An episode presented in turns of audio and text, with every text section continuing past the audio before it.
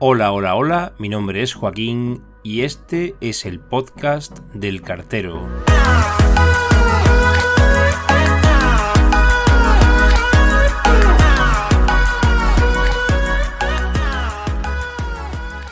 Hola a todos. En los dos episodios anteriores he presentado los productos carta y postal.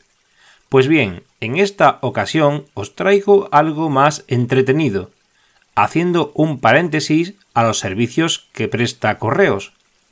Hoy os voy a hablar de un libro que ha publicado la editorial Planeta y cuyo autor es el propio grupo Correos. Pero empecemos desde el principio.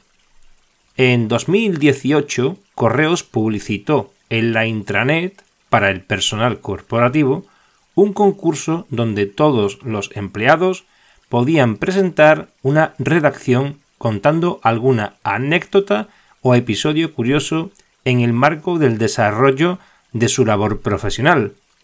Dicho concurso otorgaba un premio principal y dos secundarios, pero la golosina era que existía la posibilidad, al margen de los premios, de que la redacción quedara incluida en un anecdotario postal, siempre que el contenido tuviera el visto bueno del departamento editorial al respecto de su publicación con posterioridad.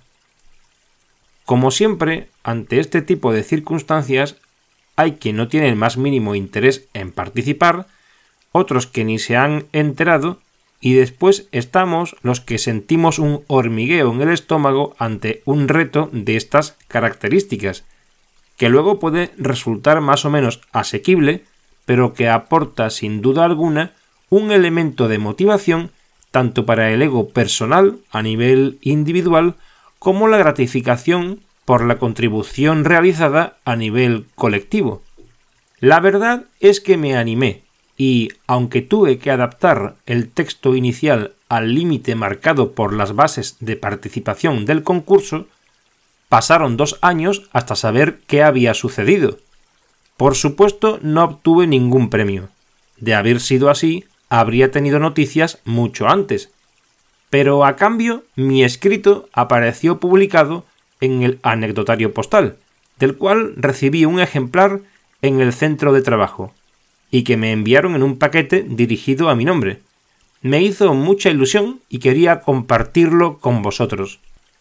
Aunque tengo que aclarar que no puedo reproducir aquí el texto tal y como estaba publicado, ya que los derechos, a pesar de actuar como participante del concurso y del anecdotario, no me pertenecen y están sujetos a copyright. Pero la experiencia me sucedió a mí, y, desde luego, nadie puede privarme de contarla aunque sea con otras palabras. La anécdota versa sobre un hecho muy concreto, que acaeció durante el verano de 2008 cuando Servidor aún trabajaba como personal eventual de la empresa, realizando sustituciones por vacaciones. La titulé Un día de perros, pero en la publicación final apareció como Dejar la moto al ralentí. Página 64 del anecdotario postal. Ocurrió que estuve reemplazando a un compañero que a día de hoy es uno de los veteranos de la unidad de distribución en la que trabajo. Por aquel entonces, una de las ubicaciones de su reparto era un polígono viejo, en el extrarradio del municipio donde radica nuestro centro laboral. En la terminación de ese polígono existía un acceso a un camino que terminaba en una empresa a la que me dirigía para depositar unas cartas. Era la primera ocasión que pasaba por allí, y no conocía la localización exacta de mi punto de destino, pero no tenía pérdida, todo recto hasta el final. Al iniciar la marcha me percaté de unas viviendas tipo chalet bastante antiguas de gente que probablemente llevaba viviendo allí toda la vida, con una demarcación de los límites de las parcelas bastante obsoleto, aunque funcionales. Probablemente tuvieran algunos animales y de seguro tierras de cultivo en torno a ella. Eso era en el margen izquierdo de la marcha.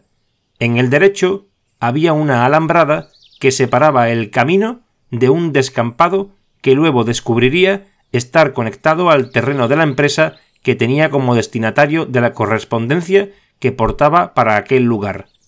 De pronto, algo me sobresaltó.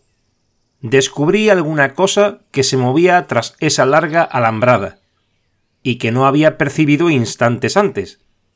Probablemente se había incorporado hacía medio segundo, y en paralelo al recorrido que yo mismo estaba realizando, por lo que no había recibido motivo sensorial alguno que me alertara. El gruñido y un ladrido, a continuación, confirmó que me estaba siguiendo un ejemplar del mejor amigo del hombre. Cierto es que a buen recaudo, al otro lado del mundo, porque la alambrada ahora mismo era el límite entre dos realidades, la de la vida y la de la muerte. Nada más había que mirar a los ojos inyectados en sangre del portentoso y peludo animal. Su figura y su ritmo, añadido a su insistente concentración en mí mismo, no me hacía presagiar nada bueno. El infierno parecía estar muy cerca, pero la existencia del cercado me permitía una respiración contenida, aunque sufrida, teniendo en cuenta que el objetivo de la mirada del podenco era simplemente el amarillo de mi camisa, cual mosquito veraniego. Pasó un angustioso minuto aproximadamente antes de alcanzar mi destino. Para entonces el perro había quedado atrás. En los alrededores no había nadie. Era una entrada diáfana dentro de la zona baldía. Parecía aquello una cantera desierta, aunque la cancela estaba abierta y el buzón accesible para llevar a cabo mi función. Fue todo muy rápido, y había dejado la moto al ralentí.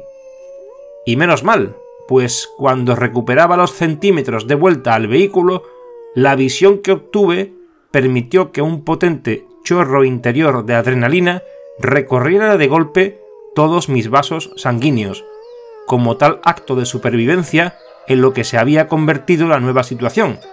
El Tuso había arremetido contra el vallado, por debajo del cual existía un hueco que no había previsto el que lo cuenta.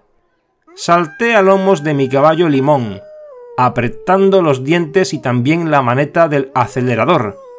Consecuentemente a la desgracia que se me venía encima, recibí velozmente el feedback de mis globos oculares al observar que a la altura de mi tobillo izquierdo y casi a cámara lenta aparecía mi perseguidor. Nunca me había sentido como Jorge Lorenzo o Marc Márquez, pero aquel requiebro frente a la embestida por el flanco zurdo me valió una vida, que otrora, si me hubiera reencarnado en un gato, no me hubiera importado perder, unos segundos interminables donde mi vehículo adquiría más y más velocidad y el canino la perdía, tuvieron en vilo a mi corazón, que parecía devuelto más de una carrera en las Olimpiadas que de realizar el oficio de cartero. Sin duda conseguí llegar de nuevo a la carretera comarcal, sin un solo rasguño a nivel físico, pero emocional y fisiológicamente tocado. Había sufrido lo indecible, pero aquí estoy para contarlo, y de hecho lo he contado.